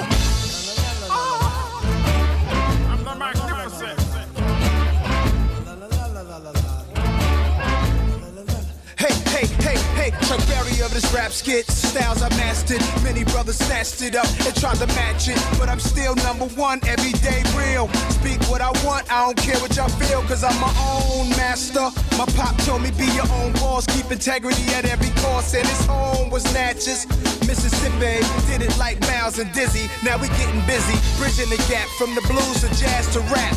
The history of music on this track. Born in the game, discovered my father's music like Prince searching through boxes of purple rain. But my Minneapolis was the bridge, home of the super kids. Some are well known, some doing bids. I might have ended up on the wrong side of the tracks if Pops wouldn't have pulled me back and said, Yo, yo. See, I come from Mississippi. I was young and running wild. Uh, ended up in New York City, New York, where I had my first child. that's me, y'all. I named the boy Nasir. All the boys call him Nas. that's what's up. I told him as a youngster, he'll be the greatest man alive. Greatest man alive. Yeah, Great, great, turn it up. The blues came from gospel, gospel for blues. Slaves are harmonizing them ahs and oohs. Old school, new school, no school rules. All these years I've been voicing my blues. I'm an artist from the start. Hip hop got in my heart. Graffiti on the wall could've ended in spot fit. Juvenile delinquent. But Pops gave me the right type of tools to think with. Books to read, like X and stuff. Cause the school said the kids had dyslexia. In our class, I was a compulsive sketcher of teachers in my homeroom. I drew pics to mess them up. Cause none of them would like my style. Read more books than the curriculum profile. Said, Mr. Jones, please come get your child. Cause he's writing mad poems and his verses are wild. I was born in Mississippi. I was young and running wild. Moved to New York City, where I had my first job. I named the boy Nasir. All the boys call him Nas. I told him as a youngster, he'll be the greatest man alive. Greatest man, the great, greatest Tell man him. alive. Hey, hey, papa was not a rolling stone. He been around the world blowing his horn. Still he came home. Then he got grown, changed his name to Olu. Come on, tell him about all the places you've gone to. I've been to Saudi Arabia, Mozambique, Yeah. Madagascar, Paris, Greece. Uh-huh. But Little Africa is where we live, Yeah. better known as Queen, Bridge, Nas, Nas, you don't stop. Oludara in the house, you don't stop. Muddy Waters, Howlin' Wolf, you don't stop. From the blues to street hop, you don't stop. Tell him, Pop, Yeah, I come from Mississippi. let him know. I was young and running wild. Running wild, Ended up in New York City, yeah, where I had my first child. that's me. I named the boy Nasir. Yeah, daddy, All the boys call him Nas. love you, boy. I told him as a youngster, he'll be the greatest man alive. You the greatest, Pop. Greatest man alive. You the greatest, Pop. Great, great, great, great, great, great, great man alive. Rest in peace, Ray Charles. Det var øh, Nas med øh, Bridging the Gap, featuring hans egen far, øh, Olu Dara. Øh, jeg synes bare, det her det er et fantastisk nummer. At den, øh, at den øh, riffer på... Øh, nu kan jeg ikke huske, hvad nummeret er. Det der... Det, det, det, det. Altså, det synes jeg jo gør til et fremragende hip-hop beat. Øh, men Den ja, kan bruges til mange sange, den der. præcis. Det kan den. Og, præcis. Den Øhm, kan noget. men øh, nu, øh, nu slutter vi jo lidt af. Nu skal vi, øh, vi, vi skal sn- kun øh, snakke film, og så skal vi let nyhed ovenpå alt det, alt de her. Det har måske også været en lidt for sur dag, Daniel. Det ved jeg ikke. Altså, jeg har været Altså, meget hvis sur i ikke vi dag. siger det, så er der sgu bare nogle andre, der siger det. Altså, jeg har været meget sur i dag, og det, og det vil jeg da gerne øh, sige. Jamen, det er jeg bare en gang imellem, øh, kære lytter. En gang imellem, så falder jeg over ting, jeg bliver lidt sur over, og det har bare været en perfect storm af vanvittige mennesker, der har været i medierne, og så bliver man ligesom nødt til at tage det op. Og sådan er det jo bare. Det er sgu også i orden. Ja, øh, men øh, jeg synes lige, at øh, jeg vil øh, give, som jeg altid gør, øh, tre hurtige anbefalinger på Netflix. Øh, og øh, og det er selvfølgelig fra Netflix Danmark, så I, hvis jeg har et Netflix abonnement, så kan I streame alle de tre film, som jeg øh, anbefaler her. Den første, jeg gerne vil anbefale i dag, det er en sand klassiker. Og ikke bare en hvilken som helst klassiker. Det er Lawrence af Arabien. Lawrence of Arabia som er baseret på øh, opdagelsesrejseren øh, T.H. Lawrence øh, og hans øh, og hans forsøg på at forene øh, de mange øh, arabiske arabiske stammer øh, mod øh, det tyrkiske regime. Um, og det lykkedes ham øh, under, under Første Verdenskrig. Og det lykkedes ham at føre dem frem i, øh, i et blodigt oprør mod øh, den tyrkiske overmagt. Um, den her film Lawrence of Arabia er en, er en sand epic. Den er næsten fire timer lang, men øh, det er en fantastisk film. Det er en fantastisk flot film. Um, og jeg synes ikke helt, at den øh, kopi, som Netflix har i deres streaming, gør den ære, fordi at den har nogle fantastiske, flotte on-location optagelser. Den er optaget øh, primært i, jeg tror det er Marokko, den marokkanske ørken, den er optaget i, som så er stand-in øh, for Saudi-Arabien. Øhm, men, øhm, men det er en fantastisk film, og det er med, hvad den hedder, det er Peter O'Toole, der spiller T.H. Lawrence. Øhm, og øh, jeg ved ikke, om, om, øh, om du ved, hvem det er, Daniel. Åh, oh, det siger Peter mig et eller andet, men kan det passe, han var med i Troy? Han var nemlig med i Troy, hvor han spiller King Priam, Ja, kongen af Troy. Det er, øhm, det, er, øh, det er ham, der spiller ham, og, det er, og jeg vil bare sige, at det, det er en smuk film, og den er så ikke så historisk korrekt, kan man sige. Men øh, til gengæld gør den op for det med bare at være en meget, meget storslået film, der stadigvæk har nogle fantastiske, flotte fagscener, slagscener, og et fantastisk skuespil, og er, i det mind, og er bare rigtig godt filmet som en god 60'er epic for Hollywood skal være det. Øh, tag ind og se øh, ind i din lokale Netflix og se Lawrence of Arabia. Du vil ikke fortryde det. Især, især hvis du har, hvis du godt kan lide store historiske dramaer, der tør være storladende. Den anden anbefaling, det er faktisk en film, jeg har øh, an, anmeldt før i øh, programmet. Um, så øh, den vil jeg bare anbefale, for den er nu på Netflix Great, som er en lille, en lille hård science fiction action thriller ting, øh, der handler om en fyr, der bliver lammet i et øh, biluheld og mister sin kone og får faktisk dræbt sin kone. Øhm, og så øh, bliver han, kommer han med i et eksperiment, hvor øh, en, lille, en lille nerve, en lille elektronisk device, der hedder STEM, bliver sat på hans øh, centrale nervesystem og styrer hans centrale nervesystem, så han kan gå igen. Øhm, Okay.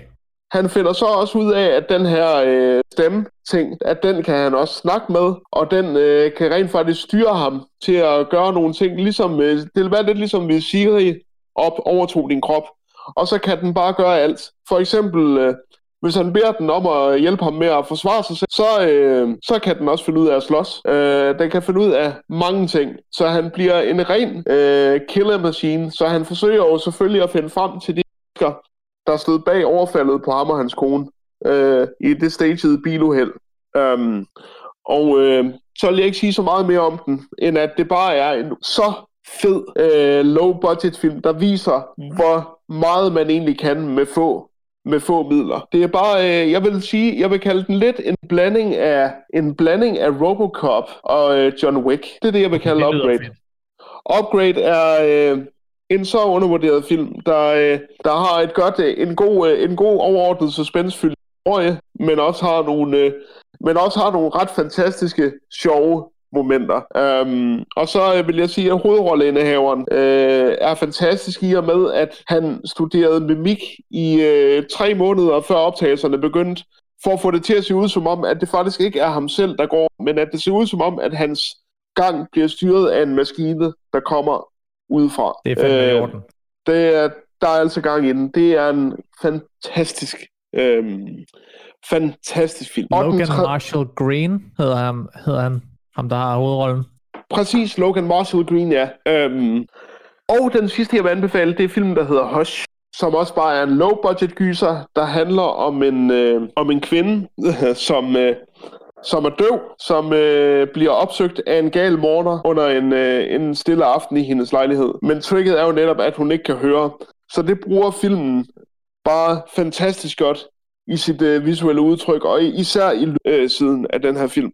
For det må jo ikke være nemt at være døv, og så vide, at der er en, øh, en anden i huset, men man kan ikke høre, hvor personen er. Øhm, det er også bare en lille low-budget gyser, der måske var en time og time. Den er god lige at slutte slut den her filmaften af på, hvis du beslutter dig at gøre det til en maraton. Se de her tre film, jeg har anbefalet her i dag. Så det var altså Lawrence of Arabia, det var Upgrade, og så er det Hush. Tre rigtig gode, øh, rigtig gode film, og lidt til enhver smag. Nu er det blevet tid.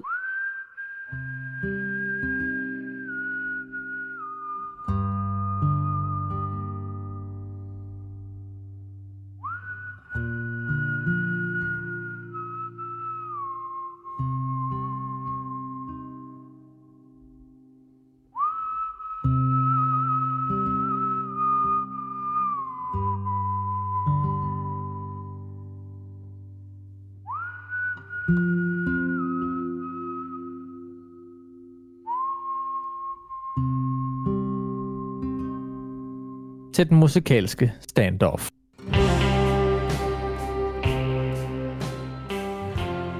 I dag der står øh, dysten mellem to meget, meget store pionister inden for både hip-hop eller comedy-pop-genren. Og det skal lige siges, at vi er tilbage i 1995. På den ene side har vi Humleriderne, og på den anden side, der har vi Amse Spektrum. Og, Og øh, humleriderne, på ja. det, det er humleridernes malerhjerne, der dyster mod Gramse Spektrums. kontrollørerne, parentes, vi jagter dig. Øh, og Danny, jeg synes, du skal starte med øh, malerhjerne og humleriderne. For det ved jeg, det er, det er din sang. Det er din sang. Altså, det er jo i hvert fald den, jeg har hørt, me- hørt mest. Ja. Tilbage i, ikke i folkeskolen, men øh, ja, jeg, gik jo, jeg gik jo gerne i friskole, så... Øh, men dengang, der var den i hvert fald øh, meget populær. Ja. Og Humleriderne, det er jo øh, en lille drengegruppe, om så at sige, der blev til i Tornby en gang i 1987, året før jeg blev født. Ved roret sad Dan Holmfjord, Jimmy Sommer og Daniel Herford Brun. Ridderne red med på øh, 90'ernes store hiphop-bølge og legede med de store drenge, øh, som blandt andre MC Ejner, Rockers by Choice og Østkyst Hustlers, som jo i øvrigt stadigvæk er semi-aktuelle den dag i dag. Ja. I 1995 udsender Humleriderne deres debutalbum, som hedder Jeg giver en omgang, hvis du giver to. Som blev produceret øh, af blandt andre øh, Chief One og øh, Lars Petersen, Lars Pedersen, eller bedre kendt som øh, Grandmaster DP. Albummet indeholdte megahittet Malerhjerne, en sang om et slemt tilfælde af malersyndromet, som takket være sangen her bedst blev kendt under udtrykket malerhjerne, og som er det, den stakkels arbejdende maler lider af. Så slemt er det faktisk, at han ikke længere kan huske, hvor han bor. Han, der er Og faktisk er det, mange ting, han ikke kan huske. Det er det, sangen mere eller mindre går ud på, at han kan, kan ikke rigtig huske en skid, det, fordi At det, han er altså, taget så det- meget skade. Og det, og, det er en, og det er en klassisk, altså lavet i klassisk sketchform, som at det starter ud lige så stille, og så bliver det værre og værre. Og til sidst så ender det med, at han ikke kan huske, hvor han bor, og han bliver nødt til at, at sove på hans arbejde, indtil mester han kommer tilbage, så han ja. kan fortælle ham, hvor han bor. Ja, præcis. Øhm, gruppen blev en af de mest succesfulde rapgrupper og opnåede anerkendelse ved dansk... ved, Men, og opnåede anerkendelse ved Danish Music Awards i 1997 ja. med prisen for årets danske, eller årets nye danske navn hedder det. Ordet malerhjerne er optaget i den store danske ordbog med betegnelsen hjerneskade forårsaget af længerevarende udsættelse for organiske opløsningsmidler, for eksempel inden for malerfaget. Min far var uddannet maler i uh, 90. Og der var, dengang var, skal vi sige, arbejdsforholdene og beskyttelsen jo ikke lige så gode, som de er i dag. Så der var der bare noget med at gå og indeholde de her giftige. Der var ingen så, kamera. øh, og så bare håbe på det bedste. Og min far, han, øh, han lever der stadigvæk den dag. Så er ikke taget helt. øhm, Har han nogen var- men?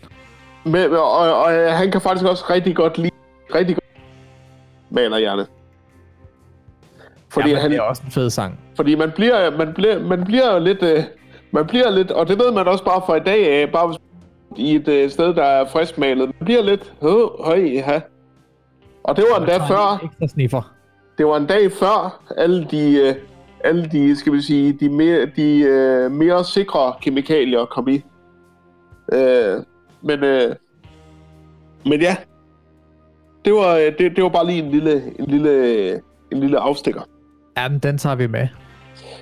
Men det er altså øh, kom, competitoren til Gramse Spektrum og kontrollørerne. Ja, og øh, der er jo nok mange, øh, mange af jer, at jeg vil sige på vores alder, der også kender Gramse Spektrum. Øh, som jo startede som en, øh, en gruppe, en, øh, en radio øh, ting i, øh, i øh, 95. Øh, og øh, de fik faktisk, de, øh, det er en, øh, skal vi sige, en comedy-gruppe, der startede, der består af Simon Bunde og Peter Pedersen. Øhm, og de startede øh, i, ja, i, som sagt, i 95, hvor de skrev en, øh, en del sange, og så øh, fik de også skabt en masse, en masse figurer og skæve karakterer i deres univers. Øh, de, øh, de mest kendte er jo selvfølgelig nok bademestrene, Glenn og Shorty, som øh, mange nok kender fra bademesternes rap. Øhm, det er i hvert fald det er en af de bedste bedste danske øh, rap-sange nogensinde, bade, bademester-rappen. Øhm, de har også øh, skabt øh, pedellerne Vagn og Ole, som er nogle meget, meget, meget autoritære øh, skole, skolevagter. Og så har de også skabt øh, Robo Flexness, som øh, var en cyborg, hvilket vil sige, at han kaldte sig selv halv robot og halv flexness. øhm, og han er nemlig ved at... og det, øh, undskyld, jeg kommer til at men, men det er fordi, at øh, man, kommer, man kommer helt til at tænke tilbage på det, men det var noget med, at han, at, øh, at han kunne fremkalde spontane latterudbrud ved udbruddet af et specielt ord. Nu kan jeg bare ikke huske, hvad det ord var. Øhm, men øh, de skabte også øh, mange andre, blandt andet øh, udtrykket Agamam. Det er, de er manden bag øh, Agamam-manden også. Øhm, som jo faktisk, øh, faktisk er internationalt kendt selv ved, fordi at øh, udtrykket Agemam blev faktisk brugt til det første Hitman-spil, hvor du er på sindssyg øh, hospitalet. Og øh, det var jo et dansk firma, IO Interactive, bag Hitman. Det er rigtigt. Og på et tidspunkt i den næst sidste mission, hvor du er på et sindssygehospital, der hører du et, øh, en af patienterne gå forbi, og der kan du lige pludselig høre, Agamam, bliver der sagt lige pludselig. De har lavet tusind. Jeg har også Dalius, som er min personlige favorit, som er en parodi på alle de der opsamlings akustiske kunstnere, øhm, som man så tv-reklamer for i midt-90'erne. Um, og så udgav de faktisk en Greatest Hits CD, som faktisk endte med at ligge på den danske top 25 i 13 uger. Um, som er en af de mest dansk sælgende comp- uh, compilation CD'er nogensinde. De bedst sælgende. Og uh, i dag, der uh, lever Gramse Spektrum uh, faktisk stadigvæk. Bare under nyt navn. Der hedder de nemlig Ekstra Naren. øhm, hvor de har, de har, de har, udbudt, øh, de har udgivet en, øh, to EP'er indtil videre. Øhm, og det er øh, også fantastisk musik. Men øh, den her kontrollørerne, vi jagter, vi jagter der, er altså bare en sang om en meget, meget, meget, meget øh, stor kontrolfreak af en DSB-kontrollør, som absolut ikke er tilfreds, hvis du ikke har alt i orden, lige præcis når han er der. Og fordi det jo er en, en sketch-sang, så går det jo selvfølgelig helt amok. Blandt andet smider han et barn ud af S-toget. Sketch, musik og comedy musik, det har jo en tendens til at, at virkelig at leve rundt i folk. Det Ja. ja. gør det jo også stadigvæk i dag. Ja, ja. Men jeg tror bare aldrig helt, at Gramse Spektrum, fordi det var decideret sketches og ja, lidt komik, så tror jeg ikke, at det har, øh, har slået igennem i musikkens verden. De er ikke lige så poppet, som Malerjern er. Og det afspejler sig jo også lidt i resultatet i vores afstemning. Jeg kan, ikke se, jeg kan ikke se, hvor mange stemmer den har fået, men, men jeg kan se, at Malerhjerne i hvert fald har fået størstedelen af stemmerne. Okay. Jamen, og nu kan øh, jeg jo lige se på dem, dem som har stemt. det er lidt sjovt. Dem, som har stemt på Malerhjerne, de er alle sammen fra Jylland. Vi hører bare lidt mere Malerhjerne herover. Jamen, det gør vi. Vi lider også måske også af lidt mere Malerhjerne herover, end de gør øh, andre steder. Ingen tvivl. Men øh, Absolut. så lad os da fejre Malerhjerne med at høre Malerhjerne.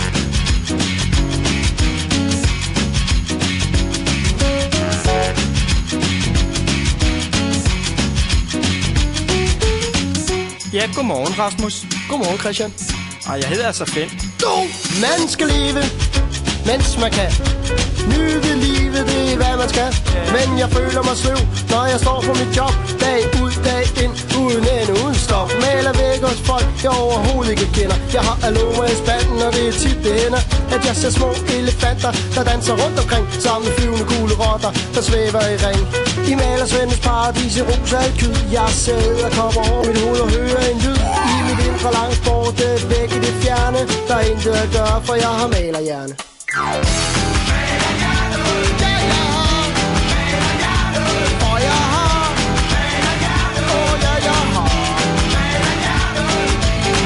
Goddag, det er fra arbejdstilsynet. Hvor er jeres masker, du? Masker? Hvad for masker? Nu må I ikke tro, at det er så slemt. Hvad jeg lige sagde, hmm, det har jeg sgu glemt. Danmark er et land med sikkerheden i top. Kom ud til os arbejder og få dig kydschok. Det udstyr, vi får til at beskytte os selv, det tager vi af, for det irriterer os ihjel. Støv i mine lunger, du kom til svigt. Min lyserøde elefant skørte poxidé. Holder frokost i et rum, hvor jeg sidder på en spand. Kode 2-3, heavy man. Jeg har glemt, hvordan man regner, jeg har glemt alfabetet. Kan ikke huske skid, og jeg har intet på tapetet. Og laver han nu? Ah, men jeg vidste. Jeg vidste det. Typisk. Det står mig ikke ud For livet det går videre Jeg arbejder for et firma jeg ikke kan huske hvad hedder Det er slut nu Tag aldrig masken af mere Og det er så sandt som mit navn Det er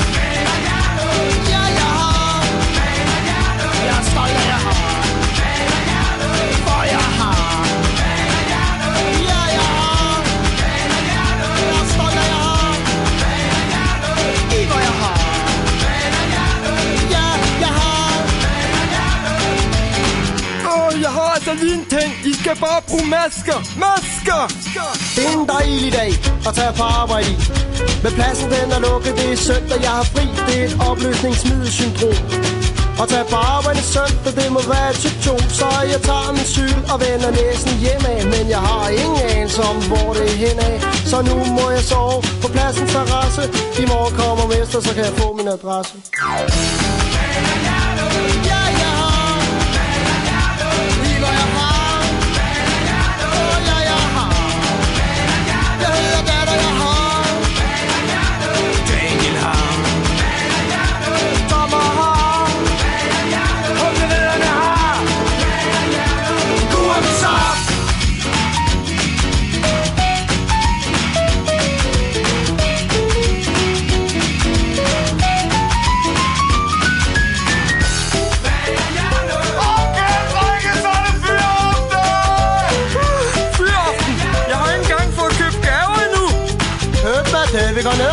En spand bare på en lokale, mand. Det har jeg så bare ikke tid til, at gå tur med hunden. Hunden? Ja, forresten. Hvordan går det med hunden?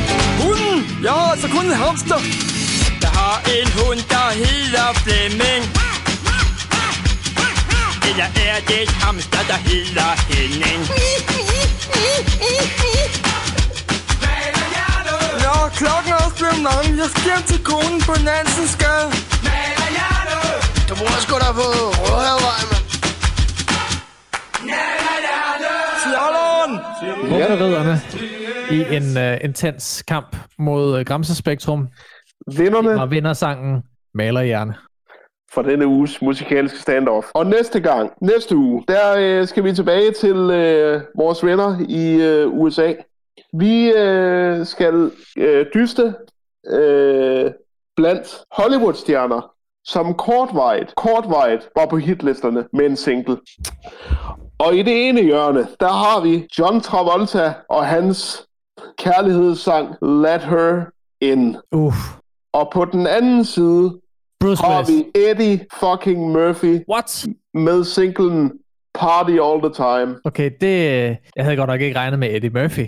Jamen, han, øh, han havde skam... Øh, altså, tænk på, at det er jo for en gang, hvor Eddie Murphy, han kunne tillade sig... Og Eddie Ja, Murphy kunne stort set meget. til- han kunne tillade sig alt i 80'erne, og folk synes det var fedt. Og det var også derfor, at den blev et hit. Så det er øh, Let Her In med John Travolta mod Eddie Murphy og Party All The Time. Når du hører det her, så er afstemningen live inde på vores Facebook-side. En god morgen. Find Det er den links og så videre inde på engodmorgen.dk, og så Det er bare den i hvert fald. stem på den sang, der skal vinde næste uge. Ja, det, det synes jeg, jeg skal. Og så, øh, og så, øh, ja, så må vi jo se, hvem der, hvem der vinder dengang. Men øh, Daniel, vi skal jo til at stoppe, men lige inden... Kære John. Jeg er en ældre dame, der gerne vil tættere på mine børn. Jeg søger en ældrebolig tæt på København. Lykkes det for mig at blive godkendt? Og hvornår bliver der i så fald flytning? Krabsen. Kære Krabs. Det vil lykkes dig, men der vil gå et lille år, inden det hele er på plads. Ligesom social distancing. Mindst et år. Ja, Måske to. måske to. hvis ikke du dør for enden. Du vil blive meget glad for det nye sted, og du vil komme med i flere ting, både der, og du vil komme med i flere ting, både der, hvor du kommer til at bo, men også i området. Du vil hjælpe frivilligt i en butik. Det vil med andre ord give dig overskud at flytte. Kære John, min 8-årige datter har indlæringsproblemer og problemer med hukommelsen. Klarer hun folkeskolen og bliver der? En kinesiolog har sat hende på en diæt uden hvede og mælkeprodukter. Hjælper det hende? Skal vi tage hende til en specialist, som træner syn, hørelse og motorik? Det koster ca. 13 30.000 kroner. Vil det hjælpe? En mor. En mor. Kære mor, din datter vil få noget ekstra hjælp i skolen, og det vil hjælpe hende. Det er kun en periode. Hun får brug for det. Der sker rigtig meget med hendes udvikling de næste to år. Som jeg ser det, vil hun klare sig lige så godt som alle de andre. Jeg ved, at du vil gøre alt for din datter, men det med kosten og behandling er kun med til at sygeliggøre hende. Brug pengene på noget andet. Hun kommer, hun kommer med igen. Ja. Godt svar, John. Godt svar, John. Kære John, jeg mistede min samlever for tre år siden. Han havde tre børn. Det er gået godt i de tre år. Men nu er det længe siden, at jeg har hørt fra dem. Har jeg sagt eller gjort noget forkert? Hvordan vil det gå mine børn? Bliver jeg i mit hus? LLS. Kære LLS. Du har ikke gjort noget forkert. De har bare travlt. Der vil være en stabil kontakt imellem jer, du vil være tæt på andre i din familie. Jeg ser flere gode venner til dig. Du vil møde en ny mand i den by, du bor i. Om cirka to år. Du vælger at blive boende i Om cirka to år. hus. Om cirka to år, ja. Ja. Efter social distancing. Ja. Du vælger at blive boende i dit hus flere år frem. Du vil også altid være en aktiv person. Godt svar, John. John, han er, han er optimist, Han er i den grad optimist. Han er den evige optimist. som altid. Ja. Det var, hvad, hvad John havde til os i dag. Og hvad en god morgen havde at byde dig i denne uge. Ja. Og øh, nu er vi jo... Nu prøver vi at komme ind i vores tirsdagsrytme igen, så podcasten er klar til at være tirsdag. Øhm, det har jo været lidt, det har jo været lidt øh, svært at få, at få plads til, men nu prøver vi at holde den. Så øh, hvis du lige vil gøre os en tjeneste, og så øh, tage din, din foretrukne podcast-app frem fra øh, frem for lommen, og så øh, følge en god morgen. Ja, abonner. Så får du automatisk det næste afsnit, lige så snart det udkommer. Det gør du. Det kan simpelthen ikke, øh, det kan simpelthen ikke være nemmere. Kan lige hvad du hører, så kan du gå, altid gå ind og støtte os øhm, på tier.dk med lige præcis det beløb, du gerne vil. Vi lyttes ved næste, næste uge. Godmorgen. Godmorgen. Au, for satan i helvede. Au.